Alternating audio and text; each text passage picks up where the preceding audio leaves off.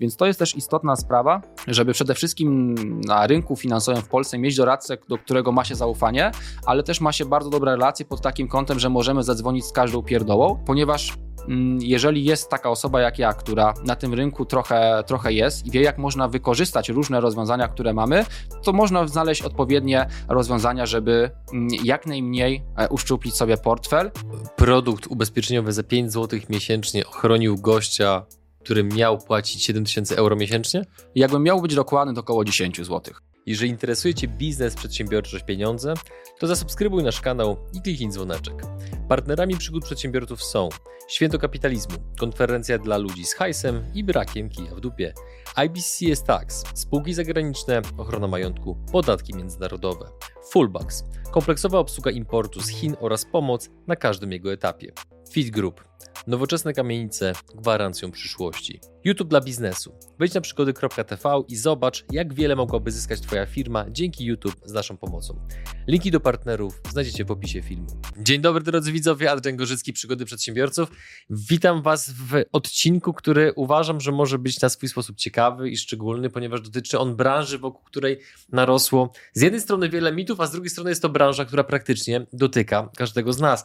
A gościem, z którym porozmawiam dzisiaj o szeroko rozumianych finansach jest Arkadiusz Korybski. Dzień dobry. Dzień dobry, witam. Słuchaj, jakie najczęściej słyszysz, tak na, zacznijmy delikatnie, rozgrzewkowo, jakie najczęściej słyszysz mity i stereotypy a propos tego, czym się ty zajmujesz zawodowo i 20 ludzi, których masz pod sobą? Mhm.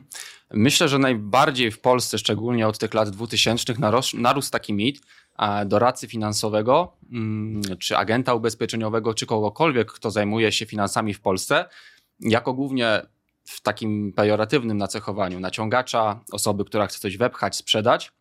Natomiast nie do końca jest to z myślą o kliencie i z myślą o tym, żeby temu klientowi przygotować odpowiednie rozwiązania, ale bardziej na nim zarobić. Więc mhm. to myślę jest taki największy mit, z którym ja odkąd pracuję w branży finansowej staram się walczyć, żeby jednak pokazać zawód doradcy finansowego jako coś bardziej kompleksowego, E, skupiającego wewnątrz siebie kilka różnych obszarów tego rynku finansowego, a przede wszystkim kierującego się czy to etyką, czy to jakim takim dobrem klienta, które potem mhm. do nas i tak wróci e, na dalszych etapach pracy. Nie uważasz, że ta łatka została tak troszeczkę przyspawana na zasłużenie tej branży?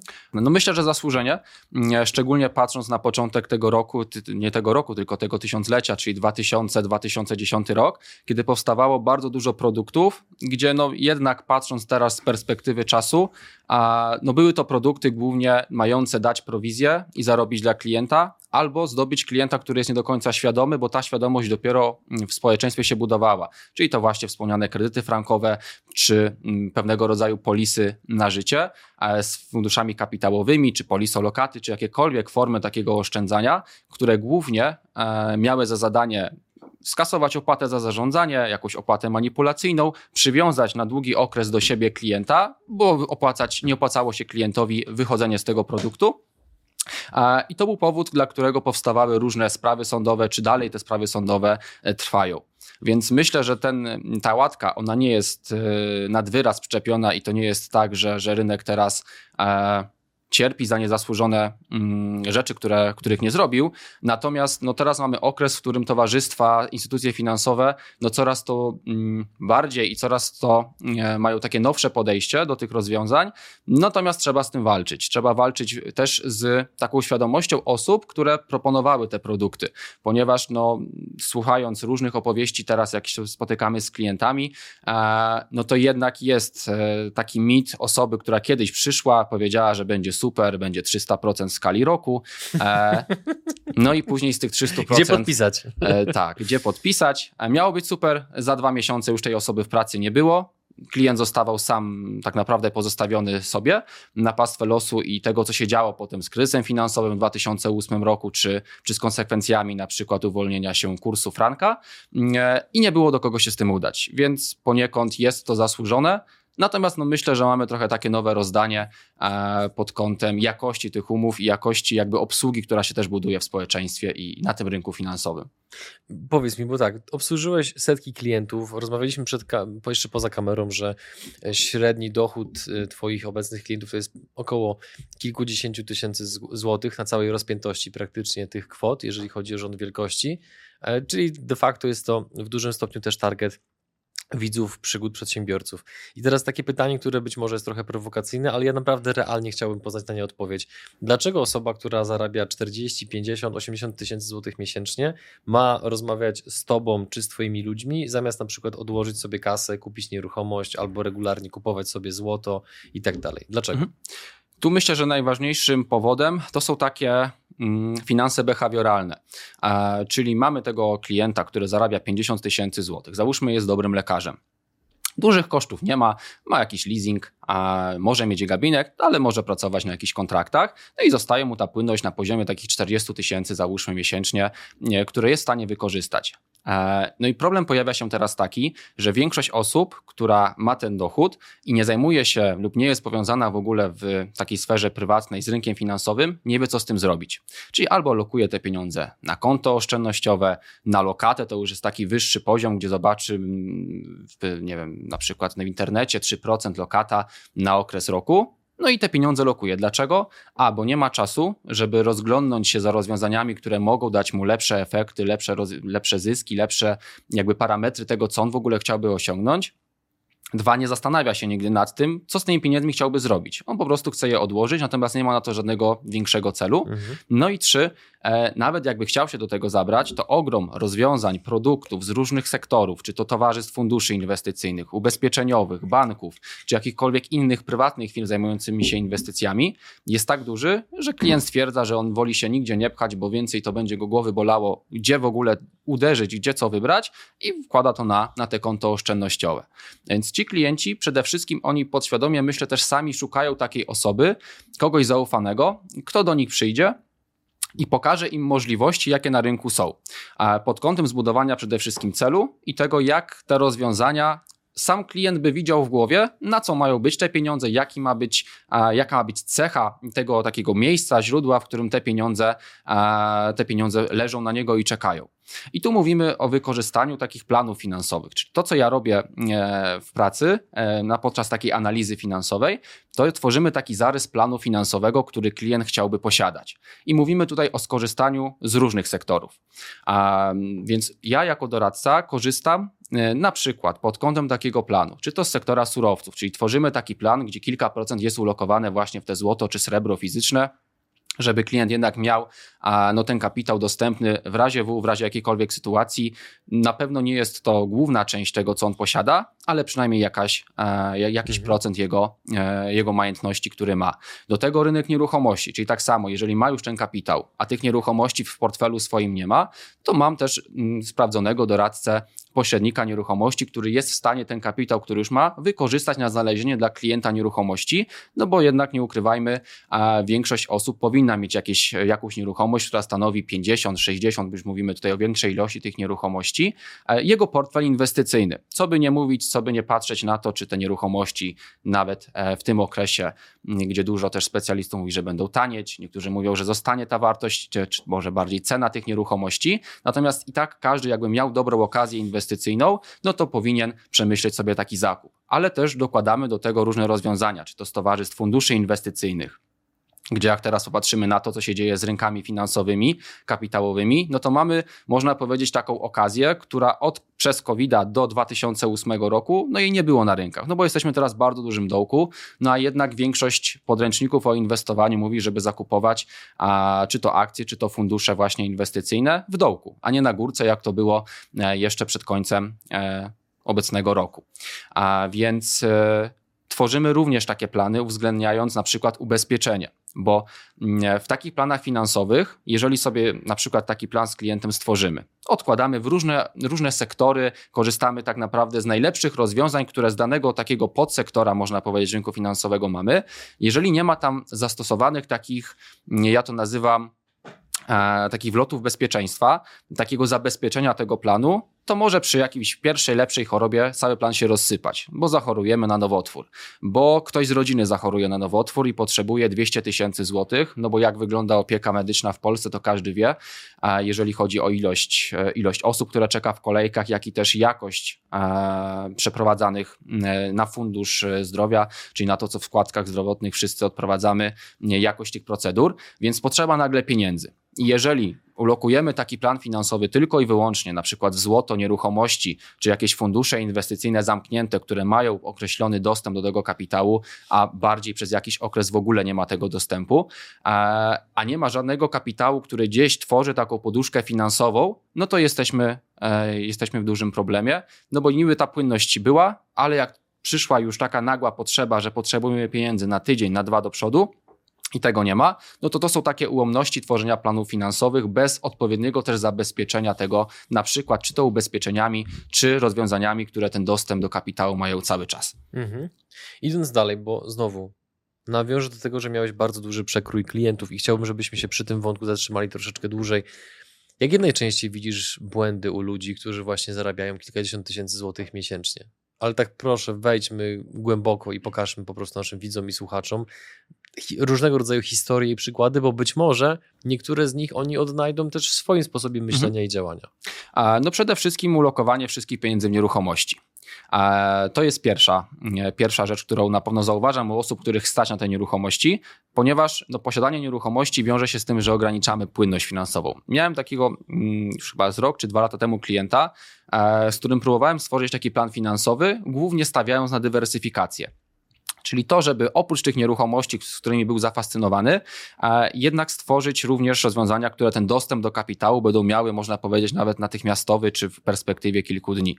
Natomiast no, ten klient e, jednak i tak szedł tylko i wyłącznie w stronę nieruchomości, a więc sfinalizowaliśmy jedynie tam kredyt hipoteczny, bo potrzebował finansowania. Wszystkie kredyty, e, które posiadał, były na zmiennej stopie procentowej, ich miał chyba 5 lub 6. No i teraz dostałem telefon z 2-3 miesiące temu, kiedy był ten największy skok e, pod kątem wzrostu stóp procentowych, że panie Arkadiuszu wspominał pan e, o tym możliwości refinansowania i wakacji kredytowych.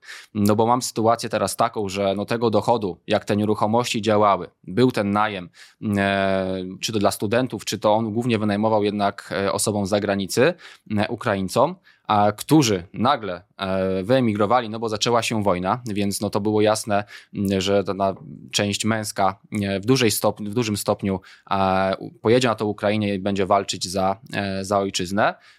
A nie ma najemców, więc nie ma takim, pod takim w społeczeństwie często się mówi, że ten kredyt sam się spłaca, no bo najemca nam płaci pieniądze, żebyśmy ten kredyt ulokowali, a my zarabiamy na wzroście wartości lub przynajmniej nie tracimy. Więc nie ma najemców, ponieważ studenci dalej są na tych, mm, w tamtym okresie byli jeszcze na takiej hybrydzie, czyli zdalno-osobistych e, zajęciach, a z racji, że to jest Wrocław, czyli miasto mocno studenckie, nie miał kto tego tak naprawdę najmu od niego wziąć.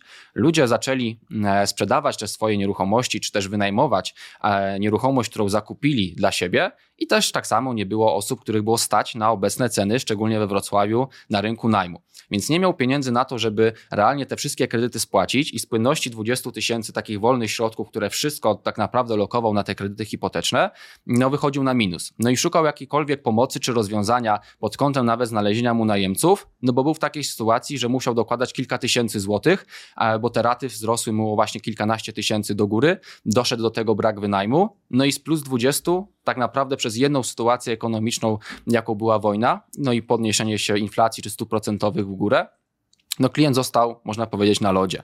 Dlaczego? No bo skupiał się, jeżeli chodzi o plan finansowy, tylko i wyłącznie na tych nieruchomościach, czyli na takim jednym z obszarów, e, które poruszamy e, pod kątem takiego odpowiedniego zaplanowania. E, inny przykład to jest osoba, która prowadziła firmę. Prowadziła firmę za granicą, zarabiała sobie już na polskie około 20 tysięcy złotych, mówię o dochodzie, czyli to, co mu realnie już zostawało e, w kieszeni. No i również rozmawialiśmy na temat stworzenia planu finansowego, który miał za zadanie zabezpieczyć mu emeryturę. Dlaczego? No bo klient pracował w takiej branży fizycznej. Zatrudniał około 10 pracowników, natomiast on sam, to chyba była Belgia czy Holandia, natomiast on sam też pracował fizycznie, no i stwierdził, że na tych obrotach, których on pracuje, e, no nie będzie w stanie dalej na emeryturze czy to fizycznie pracować, czy to psychicznie ciągnąć dalszego biznesu, bo bardzo mocno też go mm, z tego, co mówił, zjadała cała ta obsługa pod kątem stresu przy zarządzaniu pracownikami, kontrahentów, językiem i tak dalej.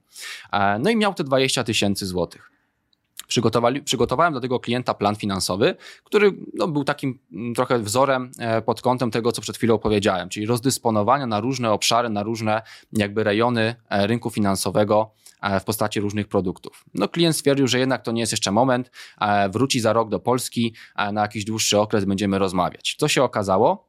Mm, I, I, co jeszcze najważniejsza w tym, w tym wszystkim sytuacja, to co bardzo często spotyka się u polskich przedsiębiorców, to jest to, że mają podejście, inwestuję w firmę.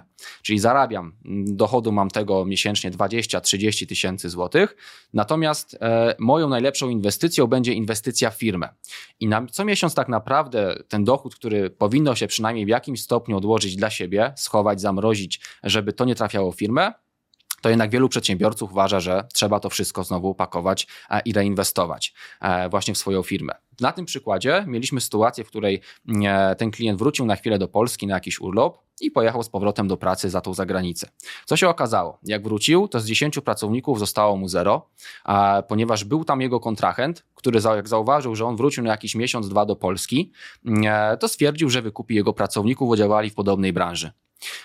Ci pracownicy dostali poniekąd lepsze umowy mm, nominalnie, będą zarabiać więcej, więc tak naprawdę, jeżeli mówimy o pracownikach fizycznych, których głównym zadaniem, bo to też byli Polacy, no jest zarobienie pieniędzy jak najszybciej wrócić do Polski i coś z nimi zrobić, na tej jakby zarobić na obczyźnie i wrócić, no to poszli, bo dostali więcej. Co się potem okazało? klient, ten mój, wrócił do tej, e, na tą zagranicę. E, nie było już tam żadnych pracowników. E, wynajem, który miał lokalu, bo on pracował, czy to był chyba dekarzem albo murarzem, coś, coś w tym stylu. Miejsce, w którym oni pracowali, wytwarzali chyba cegły, zostało zamknięte. Zostało wypowiedzony najem do trzech miesięcy, miał się z tego, z tego lokalu wyprowadzić. A finalnie klient wrócił, dzwonił i powiedział, że już z tej płynności nie ma nic. Jedynym rozwiązaniem, które zabezpieczyło mu pieniądze, był taki mały produkt na 1000 zł, który założyliśmy pod kątem właśnie emerytury. I czy jesteśmy w stanie wypłacić te pieniądze szybciej niż ta emerytura, bo potrzebuję ich na teraz, bo nie mam żadnych pieniędzy do życia, zostało mi 500 zł na koncie. 200 jeszcze mi starczy, żeby dojechać do Wrocławia, żeby podpisać wnioski o wypłatę tych pieniędzy. Natomiast co będzie później, no to się sądzę i zobaczymy, co z tego wyjdzie. Czyli mm, bardzo często przedsiębiorcy w Polsce mają świadomość e, taką, takie przeświadczenie, że ich biznes to jest coś na lata i on już jest tak rozwinięty, że tak naprawdę nic, ich się, nic im się nie przydarzy, bo oni już biznes prowadzą 20 lat, natomiast nikt pewnie nie przewidywał, czy to koronawirusa, e, mając restaurację, czy jakieś wynajmy lokali dla, e, dla wesel, czy dla jakieś imprezy okolicznościowe, że jedno takie wydarzenie, którego się nie przewidzi, czyli te czarne łabędzie, może spowodować, że jego biznes w jednym momencie się zamknie. Ja często podaję taki przykład autostrad. E, bardzo takim intratnym biznesem. Na początku właśnie tych lat 2000 przy budowie autostrad były te takie dźwiękochłonne, dźwiękochronne, nie wiem jak to nazwać, nie blachy, tylko te otoczenia autostrad, mhm. przeważnie przy jakichś miastach. Ponieważ była, była taka ustawa, był taki wymóg, żeby te, mm, te balustrady, te dźwiękochłonne e, panele montować.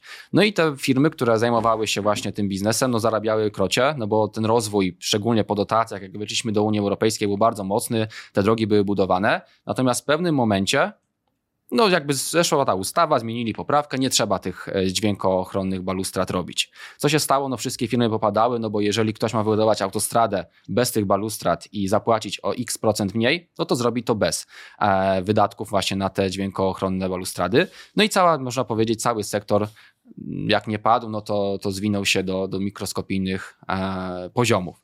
E, tak samo jakby rozmawiać z taką osobą wcze, wcześniej, przecież zanim tą, tą ustawę, mm, ustawę zmienili, no to można byłoby się od dużej części osób dowiedzieć, że to jest Eldorado i że przez następne 30 lat nic się nie wydarzy. Więc to jest taka moja puenta, że jednak mając ten biznes, e, bardzo zdrowym podejściem jest to, żeby jednak jakąś część tych pieniędzy, którą, którą zarabiamy, schować dla siebie, najpierw zapłacić sobie, a ewentualnie to, co dalej zostaje, inwestować w firmę, no bo ta firma raz jest, raz jej nie ma i nigdy nie wiemy, co się może wydarzyć. Więc to takie kilka przykładów u osób, które mm, są takim namacalnym dowodem, z którymi mam kontakt, z którymi pracuję, że jednak może coś pomyśli nie pójść z tym biznesem. Oby nie, natomiast mhm. w takim planowaniu finansowym skupiamy się na tym, żeby minimalizować ryzyko, które może wystąpić.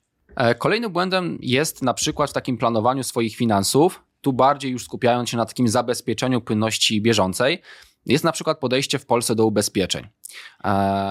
Takich standardowych ubezpieczeń, które teraz pewnie każdemu przyszły do głowy, czy to ubezpieczenie OC, AC, bo to jest coś najbardziej popularnego, czy mm, w Polsce owiana taką, e, taką można powiedzieć nawet legendarnością, grupówka w pracy, jako to, że mam ubezpieczenie.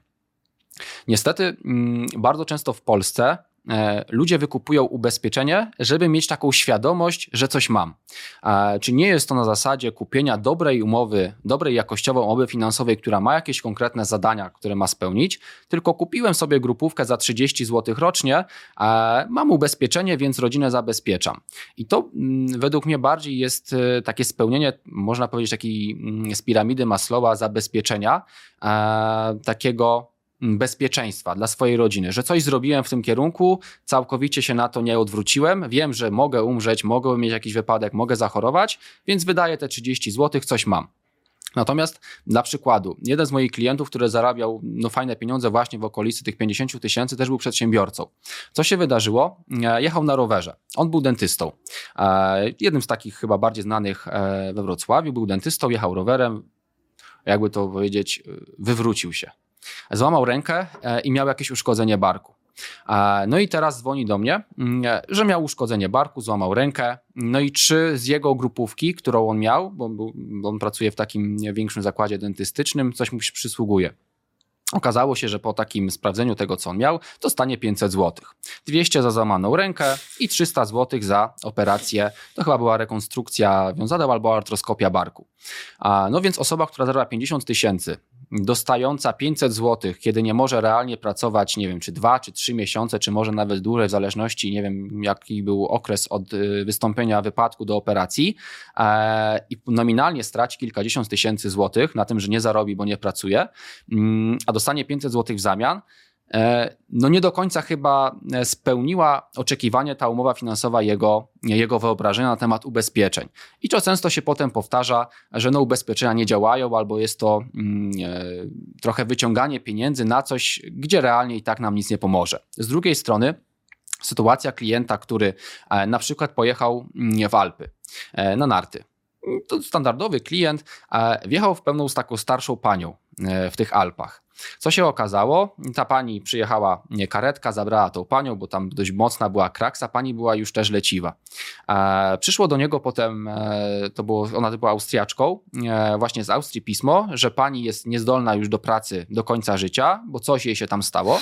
I e, w sprawie sądowej, która była przeprowadzona, e, sąd orzekł 7 tysięcy złotych euro miesięcznie wynagrodzenia, rekompensaty, odszkodowania zwał jak zwał, które... 7 tysięcy euro. 7 tysięcy euro, które ten mój klient musi płacić tej klientce, uwaga, dożywotnio. No bo ona już nie jest zdolna do powrotu. Tamtejszy ZUS, ZUS e, tak orzekł. A więc e, akurat ten klient, jak się z nim spotkałem, to było z rok czy dwa lata wcześniej, zawarliśmy taką umowę odpowiedzialności cywilnej na milion złotych e, polskich. A działająca tak, że właśnie jeżeli zrobi się jakieś dziwne rzeczy, e, nieprzewidywane, nieumyślne, typu wiedzie się przez przypadek kogoś na trasie i coś mu się stanie, to jest to takie milion złotych, które, z którego można czerpać, jak z takiego OC samochodowego, jak uderzymy mhm. w inne auto, mamy tam sumy gwarancyjne do poziomu około 5 milionów e, złotych. Tak samo tutaj. No i znowu, te 7 tysięcy euro, no to jest na obecny kurs około 35 tysięcy złotych, więc może być tak, że dożywotnio to znowu jest jeden jeszcze element, e, ile ta osoba będzie żyła. Nie wystarczy ten milion, żeby to pokryć, natomiast no pierwszy milion klient ma z głowy jakby nie ta polisa, która realnie kosztuje go 5 zł miesięcznie, no bo to są takie koszty takich różnych rozwiązań e, właśnie z tego sektora, e, no to musiał ten pierwszy milion, a bardziej 7 tysięcy euro e, co miesiąc tej osobie przelewać, więc niby takie błahe rzeczy. Czekaj, czekaj, chcesz mi powiedzieć, że produkt ubezpieczeniowy za 5 zł miesięcznie ochronił gościa który miał płacić 7 tysięcy euro miesięcznie? Jakbym miał być dokładny, to około 10 zł. tak. Ale na, na serio? Tak. To, to jest takie rozwiązanie bardzo popularne, ono nazywa się odpowiedzialnością cywilną w życiu prywatnym, która mm, bardzo często jest jako taki element e, niechciany, jakby dorzucana do różnych umów finansowych, z którego na przykład bardzo dużo osób w ogóle nie wie, co to jest. Miałem na przykład taką sytuację u klienta, który miał laptopa. Dostał nowego laptopa z pracy, on był mm, programistą, więc ten laptop był tam jakiejś wartości około 10 tysięcy złotych. Dwa, trzy dni, jak zamykał laptopa, zostawił myszkę w środku. Matryca, no wszystko się rozsypało. No i spotkałem się z nim gdzieś tam za dwa miesiące, trzy miesiące na taki serwis e, naszej koncepcji. No i opowiada, że no był taka śmieszna sytuacja, dostał laptopa, e, uszkodził się no i musiał te 10 tysięcy zwracać do pracodawcy, bo pracodawca jakby pokrył go kosztami tego niedbałego użytkowania sprzętu, który dostał. Co się okazuje? Jeżeli by zadzwonił do mnie, to ja bym mu powiedział, że ale panie Mateuszu, my zawieraliśmy właśnie te same OC w życiu prywatnym mm, przy tych polisach, które mamy. Więc pan nie musi tych 10 tysięcy płacić, tylko to pójdzie z tej polisy. Natomiast hmm. on tego nie zrobił, no już ciężko było to odkręcić, bo pieniądze realnie już do, dawno do jego pracodawcy poszły, więc to jest też istotna sprawa, żeby przede wszystkim na rynku finansowym w Polsce mieć doradcę, do którego ma się zaufanie, ale też ma się bardzo dobre relacje pod takim kątem, że możemy zadzwonić z każdą pierdołą, a, ponieważ jeżeli jest taka osoba jak ja, która na tym rynku trochę, trochę jest i wie, jak można wykorzystać różne rozwiązania, które mamy, to można znaleźć odpowiednie rozwiązania, żeby mm, jak najmniej e, uszczuplić sobie portfel i tak wydając pieniądze, i tak płacąc na jakieś różne formy takie zabezpieczenia. Mhm. To, co teraz mówiłeś przy końcówce, było szczególnie ciekawe, bo podejrzewam, że wielu osobom mogły się otworzyć w związku z tym oczy. Natomiast o czym jeszcze twoi klienci, bądź szerzej patrz, patrząc, różni konsumenci, którzy właśnie są na poziomie kilkunastu, kilkudziesięciu tysięcy złotych miesięcznie, o czym oni nie wiedzą, a byłoby to bardzo dla nich przydatne z Twojego podwórka, mhm. z Twojej branży. Może zostając trochę w, w takim tym gronie przedsiębiorców, no bo jednak to jest gdzieś główny, nie, główny target e, osób, które słuchają e, takich kanałów, a przede wszystkim tego, no to jest na przykład kwestia sukcesji. E, czyli bardzo często, jak się spotyka z taką osobą, m, mm, która już e, osiąga pewne dochody i pewne pułapy finansowe, m, mm, to przeważnie jak się słucha, jak do tego doszli, to był to pewien proces. Założyłem działalność, zarabiałem mało, minęło 10 lat i jakimś sposobem jest już 50 tysięcy dochodu. No i teraz powstają pytania związane jakby z zagospodarowaniem i spojrzeniem na to, jak te decyzje finansowe się zmieniły przez te 10 lat. Prawdopodobnie w ogóle się nie zmieniły, bo nie było na to czasu. No i taka, takie spotkanie przede wszystkim polega na sprawdzeniu formy, w jakiej on prowadzi tą działalność. Czemu działalność gospodarcza i zatrudnienie 200 pracowników? Przede, przeważnie jest odpowiedź, no bo tak założyłem, no i tak już wyszło. No nie miałem czasu się temu przyjrzeć. Czy na przykład kwestie związane z sukcesją.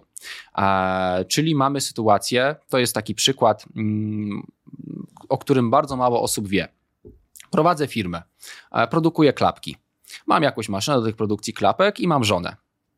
Pobraliśmy się, nie mamy rozdzielności majątkowej, czyli standardowo wspólnota. E, mamy dwójkę dzieci niepełnoletnich. Co się dzieje, jeżeli przez, no, przez przypadek, nie przez przypadek, żona umrze? Mimo, że ona jakby przy mojej działalności tak naprawdę no nie ma nic wspólnego, natomiast jeżeli jest ta wspólnota majątkowa, a nie mamy uregulowanych w testamencie e, zapisów, co się dzieje z momentem śmierci, kto dziedziczy, no to okazuje się, że przy działalnościach gospodarczych żona również jest mm, współwłaścicielem całego majątku, który mam w firmie. To bardzo łatwo można sobie mm, uświadomić na podstawie tego, że jak ja bym miał jakąś windykację, to przychodzą do naszego wspólnego domu, wyciągają poduszki, stół, i spieniężają dla wierzycieli, mimo tego, że też część e, tej poduszki czy stołu jest mojej żony. I ta sama sytuacja jest w drugą stronę. Jeżeli moja żona umrze, to spadek po niej dziedziczę ja, ale też moje dzieci w częściach równych, procentowych. No i teraz ja mam tą fabrykę e, tychże klapków i tą maszynę. Natomiast ja już nie jestem jedynym współwłaścicielem, czy jak e, oficjalnie byłem współwłaścicielem żoną, tylko jest tam również dziecko. No bo ma tam jakieś 16% e, wartości tych, e, nie udziałów, natomiast no wartości tego majątku. A co się dzieje, jak dziecko jest właścicielem jakiejkolwiek rzeczy? No wchodzi sąd rodzinny jeżeli jednego rodzica nie ma. I teraz sąd rodzinny do 18 roku życia dziecka będzie mógł mi zablokować na przykład rozwój inwestycji, wzięcie kredytu, sprzedaż tej fabryki, czy sprzedaż tego majątku, który mam, nie ponieważ no, interesu, reprezentuje interesy dziecka. Najczęstszym przypadkiem jest właśnie nieruchomość. Mam pięć nieruchomości, ta sama konstelacja, żona, wspólnota majątkowa, dwójka dzieci. Żona umiera. Czy ja umieram, to jest jakby to samo. To była nasza wspólna nieruchomość. Ja zostaję ze swoją częścią, z tym majątkiem swoim połowicznym, natomiast do majątku, który tej drugiej połowy mojej żony, wchodzę ja i dwójka dzieci. Co się dzieje? Nie mogę żadnej nieruchomości sprzedać do 18 roku życia moich dzieci, ponieważ najpierw muszę uzyskać zgodę sądu rodzinnego, który z kodeksu stoi na straży wyzbywania się majątku dzieci. W Polsce uzyskanie zgody sądu rodzinnego graniczy, można powiedzieć, z cudem, ponieważ większość takich spraw kończy się na tym, że tej zgody nie ma. I do osiemnastki nie mogę nic zrobić jakby z całością moich, e, mojego majątku, który uzyskałem. I tyczy się tak naprawdę to do wszystkich aspektów majątkowych, a najbardziej to widać właśnie na nieruchomości. Są oczywiście sytuacje, w których sąd rodzinny pozwala e, sprzedaż tej nieruchomości, natomiast jaka jest procedura wtedy? Trzeba założyć takie specjalne konta obydwu z dzieci, wpłacić wartość tych udziałów, które mają procentowo w tym majątku jeszcze przed sprzedażą, czyli jeżeli nieruchomość była warta milion, no to trzeba po te 200-300 tysięcy wpłacić, w zależności jakie dziecko, ile z dzieci i, i po ile, ile dziedziczyły i dopiero wtedy mogę tę nieruchomość, tę nieruchomość sprzedać. Więc na przykład kwestie właśnie związane z sukcesją, czyli uregulowania pewnych spraw w testamencie, czy uregulowania w pełnomocnictw. Kolejna sytuacja, to już e, taka trochę wpływająca od nas, e, od nas z doradztwa, od kolegi, z którym, e, z którym pracuję, ubezpieczył klienta na 200 tysięcy złotych na wypadek wystąpienia poważnego, poważnej choroby. Umowa dobra, jakościowa, wszystko ok. Dostał udaru ten klient. Po udarze wpadł w śpiączkę i żona zawnioskowała do towarzystwa o wypłatę 200 tysięcy złotych. Towarzystwo chce wypłacić, dokumentacja medyczna wskazuje na to, że wszystko jest spełnione, żeby wypłacić, natomiast tego prawnie zrobić nie może. Dlaczego? Bo żona nie jest uprawnioną do świadczenia, bo póki mąż żyje, to mąż musi zawnioskować o, wnios- o, o to odszkodowanie. E, a mąż jest śpiący, więc nie może się podpisać. Czyli realnie 200 tysięcy czeka, żeby wypłacić to mężowi, e, ale tego towarzystwo prawnie zrobić nie może. Dlaczego? Bo nie było podpisanych pełnomocnictw takich notarialnych. Tu mówię już o wszystkich decyzjach, bo jeżeli ten mąż miałby tą śpiączkę, a żona by chciała sprzedać nieruchomość, żeby wydać na leczenie, to znowu tego zrobić nie może, no bo mąż musi decyzję też podjąć, a jest w śpiączce. Jeżeli żona miałaby podpisane takie pełnomocnictwa do przejęcia i możliwości decydowania za męża, jeżeli on jest właśnie niezdolny do wykonywania jakichkolwiek czynności życia, no to wtedy może podpisać ten wniosek o wypłatę odszkodowania, może tą nieruchomość sprzedać, więc jest to w pewien sposób ta sukcesja i te różne sytuacje pod kątem prawnym znacznie bardziej zabezpieczone, aniżeli bez tego. No bo tu można łatwo sobie jakieś różne sytuacje jeszcze wymyśleć, a co się może wydarzyć, jak druga osoba, która jest właścicielem majątku, nie jest w stanie jakby no nic zrobić, bo jest w śpiączce. Więc jeszcze jedną taką bardzo ciekawą rzeczą, już mówię tutaj o prowadzeniu firmy w postaci spółki, która jednak w spółki ZO, która jednak w Polsce póki co jest jedną z lepszych form prowadzenia tej działalności, tej firmy, to jest kwestia dziedziczenia właśnie i sukcesji w spółce ZO. No bo to, co do tej pory powiedziałem, czyli testamenty, najlepiej krzyżowe do momentu, kiedy dzieci są niepełnoletnie, żeby sąd rodzinny jakby nie wchodził nam w drogę pod kątem zarządzania majątkiem, to też wiąże ze sobą jedną taką ważną rzecz, o której zaraz powiem, czyli zachowki. E, a dwa, to są te pełnomocnictwa, które realnie dotyczą każdego. No bo czy mamy majątek w wysokości miliona czy 100 tysięcy złotych, no to jednak te pełnomocnictwo, ono kosztuje 100-200 złotych, a jest w stanie zabezpieczyć nam wszystkie tak naprawdę wydarzenia związane z drugą połówką, z którą ten majątek dzielimy. Natomiast jeżeli mamy przygotowany taki plan sukcesyjny, czyli testament, e, to pojawia się jeszcze kwestia zachowków. I to też jest bardzo często pomijany temat właśnie pod kątem prawnym.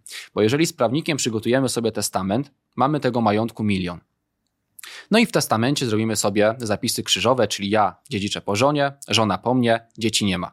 Natomiast nie możemy pominąć, czy możemy pominąć spadku dzieci, ale im tak będzie przysługiwał zachowek, jeżeli są niepełnoletnie, to w wysokości dwóch trzecich tego, co powinny dostać. Czyli w tej sytuacji, jeżeli jestem ja, żona i tej dwójka dzieci, to każde z dzieci powinno dostać około 16% majątku po śmierci żony, a dwie trzecie z 16 to jest 12. Czyli łącznie, jakbyśmy to zaokrąglili, 25% wartości całej nieruchomości, całego mojego majątku muszą dostać dzieci. Czyli jak mamy ten milion złotych, to ja muszę e, z momentem śmierci żony mieć przygotowane 250 tysięcy, żeby spłacić zachowki. I zachowki, mm, one teoretycznie są dobrowolne. To znaczy, jeżeli dziecko zawnioskuje w ciągu 5 lat od śmierci do mnie o zachowki, no to ja muszę mu wypłacić, ale może nie zawnioskować Natomiast znowu sąd rodzinny do 18 roku życia, to sąd rodzinny może zawnioskować do mnie, przeważnie to robi, e, o wypłatę zachowków dla dzieci. I jeżeli ja nie mam przystosowanej, najlepiej polisy sukcesyjnej, czyli takiej polisy na wypadek tylko i wyłącznie śmierci, która ma spełnić takie zobowiązania zachowkowe, no to muszę nagle 250 tysięcy, czyli jedną czwartą całego majątku, który, który mam, spieniężyć, żeby wpłacić na konta dla dzieci. Więc to jest też jeden z takich ważnych aspektów, które trzeba zabezpieczyć, a prawnie no jest to często pomijane, żeby, taki, e, żeby to po prostu mieć gdzieś przygotowane. No i ta spółka ZO. Co ze spółką ZO? W, w standardowych zapisach, czyli jeżeli tworzymy spółkę przez portal S24, czyli samemu sobie tą spółkę zakładamy, przyjmujemy takie standardowe zapisy ustawowe spółki ZO. No i tam musimy przede wszystkim patrząc i jakby dobierając odpowiednie jakby parametry tej spółki spojrzeć na kwestie związane z sukcesją, a szczególnie dziedziczeniem udziałów. No bo jeżeli mamy w dziedziczeniu udziałów sytuację standardową, czyli udziały są udziedziczone, to załóżmy, ja prowadzę z tobą spółkę. No i nam, my się dogadujemy, jest fajnie. To jesteśmy wspólnikami biznesowymi. Natomiast ja mam żonę i dwójkę dzieci. No i umieram. Mieliśmy spółkę założoną standardowo. Co się dzieje? Za mnie wchodzi pełnomocnik, taki reprezentant mojej żony i dwójki dzieci, która jest niepełnoletnia. A jeżeli dziecko jest niepełnoletnie, no to mamy tam z tyłu znowu sąd rodzinny. No i teraz ty, jeżeli chcesz podjąć jakąkolwiek decyzję w spółce, no to musisz e, konsultować to oczywiście z drugim wspólnikiem, mamy po 50% udziałów, a tam z tyłu jest sąd rodzinny.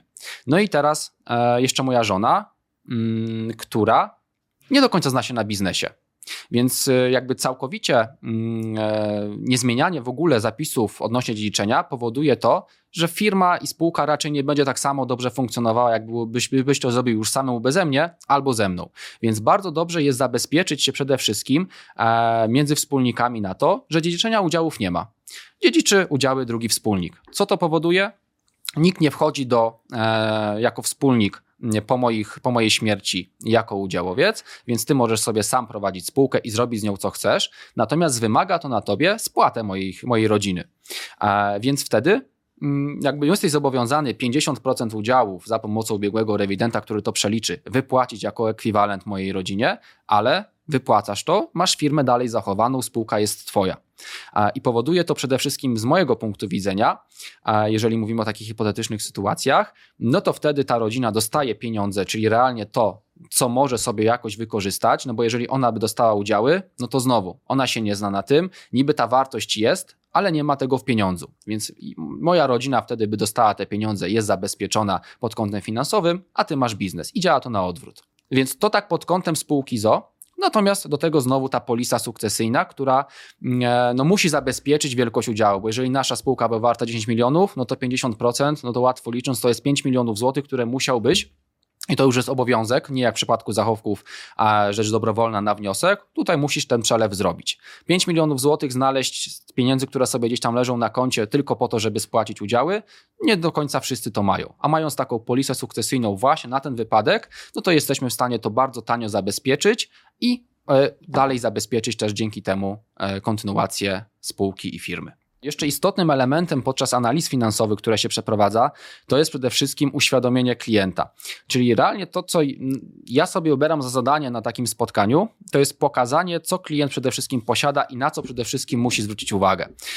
Ponieważ e, rozwiązań, które najczęściej klienci posiadają, z gamy finansowej, no to jest konto w banku, jest to jakieś konto oszczędnościowe, jakaś polisa na życie, Często też zdarza się a, jakiś produkt emerytalny, no bo jednak jak popatrzymy sobie na ten sektor, na obszar, na społeczeństwo przedsiębiorców, no to to, co dostaniemy z ZUS-u, e, z emerytury państwowej, no nie jest to kwota, za którą każdy przedsiębiorca chciałby żyć, więc trzeba cokolwiek wykonywać w tym kierunku dalej.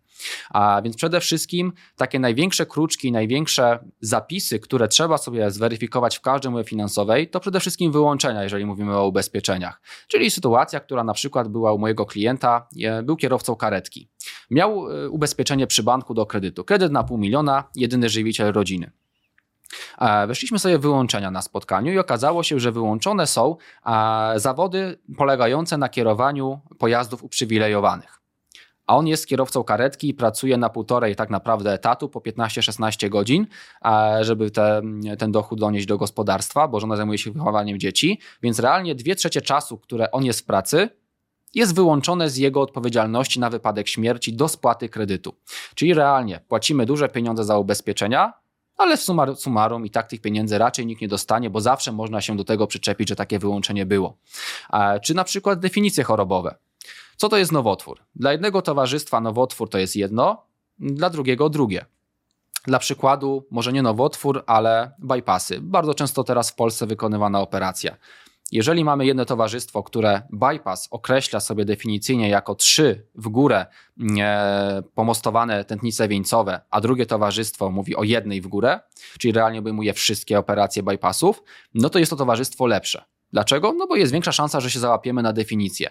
Więc takie rzeczy jak wyłączenia, definicje chorobowe, e, zakresy, okres ubezpieczenia, na jaki to jest e, zawarta ta umowa, czy ankieta medyczna, czy była przeprowadzana, czyli realnie czy towarzystwo kogoś weryfikowało, no to są mega istotne sprawy pod kątem w ogóle zdania sobie sprawy, czy to co mamy jest realnie e, dobre i czy to może mhm. zadziałać. Więc to jest już taka trochę bardziej specjalistyczna wiedza, no bo samemu się tego nie zrobi no bo nie wie się też, jak powinna wyglądać dobra umowa, czy w przypadku na przykład rozwiązań inwestycyjnych. Często się posiada e, w Polsce takie rozwiązania oparte o rynek ubezpieczeniowo-kapitałowy, takie połączenie, e, gdzie przede wszystkim e, zadaniem jest takie, zadanie tego produktu jest takie, żeby odłożyć pieniądze na emeryturę. Tylko finalnie bardzo często w tych starych typu produktach opłaty za zarządzanie, opłaty manipulacyjne, opłaty za zamknięcie takiego rozwiązania są tak wysokie, że na moim przykładzie 99% osób, z którymi którymi się spotkałem, e, raczej do przodu na tym rozwiązaniu nie wyjdzie. Dlaczego? Przede wszystkim dlatego, że takie rozwiązania mają trzy główne minusy. A, to już wspomniałem, opłaty. Dwa, wymagamy od klienta, żeby on sam zarządzał sobie tymi finansami i sam zarządzał funduszami, w co to jest inwestowane. Gdzie większość osób, z którymi się spotykam, no to założyła polisę 20 lat temu i drugi raz patrzą to polisę po 20 latach. No to każdy może sobie wyobrazić, jak wygląda samochód puszczony z górki bezręcznego. No raczej w coś uderzy niż, niż przejedzie całą drogę bez, bez kolizji. No i trzy, no to są głównie koszta związane, mm, główny, główny minus związany z funduszami, w co to jest inwestowane. Czyli jeżeli mamy sytuację, w której e, wybieramy jeden fundusz na 20 lat, no to ciężko jest też mówić o tym, że zaufanie do jednego typu funduszy, załóżmy X fundusz akcji, wygeneruje nam w skali 20 lat jakieś spektakularne stopy zwrotu, których byśmy oczekiwali. Więc to jest taka podstawa tak naprawdę dotycząca każdego, czyli żeby sobie zweryfikować umowy finansowe raz na jakiś czas, bo takie umowy powinniśmy sobie mm, e, sprawdzać i, i weryfikować co 2-3 lata, bo mniej więcej rynek e, co 2-3 lata zmienia się pod kątem jakości produktowej. A więc to jest taki, e, taki aspekt, który na takich spotkaniach właśnie związanych z serwisem powinno się, się robić. E, jedna też taka mm, na koniec sugestia e, w kierunku widzów, z racji tego, że mm, bardzo często widzi się w, na, przede wszystkim na YouTubie różne osobistości, które znają się na tematyce inwestowania, układania finansów, planowania finansowego i na tym, jak ten rynek wygląda, dla przykładu, czy to na przykład trader, czy Marcin Iwódź. E, natomiast mm, według mnie i z takiego mojego osobistego doświadczenia, jeżeli jakaś osoba, która nie zna się na tym inwestowaniu, nie ma czasu, posłucha sobie mm, właśnie, można powiedzieć, specjalistów w danej dziedzinie, w takim e, podejściu do inwestycji, gdzie mówimy na przykład o zakupie e, ostatnio przez tradera uranu, czy, czy złota, czy srebra, czy rejtów, no to jest tutaj spory problem, bo jeżeli taki przykładowy Kowalski usłyszy, że ma kupić sobie uran, złoto, czy jakiekolwiek inne takie rozwiązania specjalistyczne, które potencjalnie dadzą mu większe zyski, będzie to bardziej dobrany dla niego plan finansowy pod kątem rozwiązań, które obecnie na rynku są najlepsze, no to on się dwa razy zastanowi, gdzie tego uranu ma szukać i znowu wrzuci wszystko na konto oszczędnościowe. Więc z mojego punktu widzenia przede wszystkim trzeba dążyć do takich małych kroków, czyli dostosować sobie na pułapie takich rzeczy, które ten klient już wie, o których wie, że są, czy to jakieś rozwiązania jak fundusze inwestycyjne, obligacje skarbowe, e, czy jakieś produkty regularnego oszczędzania, bo mm, może podzielę się takim ostatnim e, przykładem, który zrobiłem z jednym z klientów. Rozmawialiśmy na temat regularnego oszczędzania pieniędzy. E, I stanęło na tym, że klienta stać na 3000 zł, żeby w jakiś sposób sobie regularnie co miesiąc przeznaczyć te pieniądze na różne rozwiązania. Natomiast stwierdził, że w tym rozwiązaniu takim regularnym, który przygotowałem, on zrobi tam 1000 zł, 1000 zł będzie odkładał na konto oszczędnościowe, a 1000 zł będzie czerpał właśnie z takich inspiracji z YouTube'a, które sobie bardzo też e, często oglądał pod kątem takich trików, typów finansowych. Co się okazało, jak się spotkałem z nim po trzech latach? Na koncie oszczędnościowym, z racji tego, że ten dostęp cały czas był, no to dostałem informację, że był przed chwilą remont łazienki, no i akurat te pieniądze z tego konta oszczędnościowego mu się przydały, no bo mógł sobie tam lepiej to wykończyć. Jeżeli chodzi o mm, tą kolejną rzecz związaną z YouTube'em, to próbował mm, po dwóch miesiącach, trzech, kiedy słuchał, próbował właśnie założyć sobie konto maklerskie, mm, czy zacząć samemu inwestować w fundusze, stwierdził, że to w sumie nie jest dla niego, że to jest dość trudne, że jednak te ryzyka związane z tym, że trzeba się temu przyglądać i na bieżąco weryfikować i sprawdzać są za duże, on za bardzo z tym nie będzie nic robił, przerzucił te pieniądze na konto. A realne pieniądze, bo koncepcja tych 3000 była na emeryturę, czyli co miesiąc sobie odkładać, żeby ta emerytura była wyższa. Ten program regularny, który był najbardziej, można powiedzieć, nudny, ponieważ tam wkładaliśmy 3000 zł, tam był pewien sposób zamrożenia dostępu do tych pieniędzy, to był jedyny produkt, który on tam został i który regularnie przez zlecenie stałe w ogóle klient zapomniał, że miał. Więc często takie najprostsze rozwiązania, żeby e, znaleźć sobie miejsce, w którym mamy takie rozwiązania regularne, odkładać pieniądze, spowodują nominalnie, znaczy w perspektywie takiego potencjału może mniejsze zyski, ale mają tą, tą przewagę, że te pieniądze będą e, po prostu na tym koncie na niego czekać. Kończąc, jeżeli widzowie, słuchacze chcieliby się z Tobą skontaktować, porozmawiać o potencjalnej współpracy, to co mają wpisać, gdzie mają Cię szukać? Mhm. No myślę, że głównie jak się wpisze Arkadiusz Korybski w Google, no to też pojawi się moja strona. Tam są wszystkie namiary do mnie, czy to mailowe, czy telefoniczne, a więc myślę, że to jest taki najłatwiejszy sposób, żeby się umówić na taką konsultację i zobaczyć, co tam jesteśmy w stanie realnie, realnie zrobić. I tu stawiamy kropkę. Was, drodzy widzowie i słuchacze, prosimy, żebyście w komentarzu dali znać, która z tych wszystkich podpowiedzi, sugestii, ciekawostek finansowych, które Arek wymieniał, była dla Was najbardziej interesująca i którą momentalnie wdrożycie w swoim życiu, aby Wasze finanse zwyczajnie były nieco bardziej bezpieczne. Arku, dziękuję Ci za rozmowę. Dzięki, że przygotowałeś taki de facto ogrom historii, anegdot, ciekawostek, podpowiedzi i co ważne, tłumaczyłeś to zrozumiałym językiem. Bo jeżeli dziękuję ja to zrozumiałem, to wszyscy to zrozumieli. Więc bardzo dziękuję Ci za rozmowę, dzięki za przyjęcie zaproszenia i mam nadzieję, że do, do zobaczenia w przyszłości. Dziękuję również i też myślę, że do zobaczenia.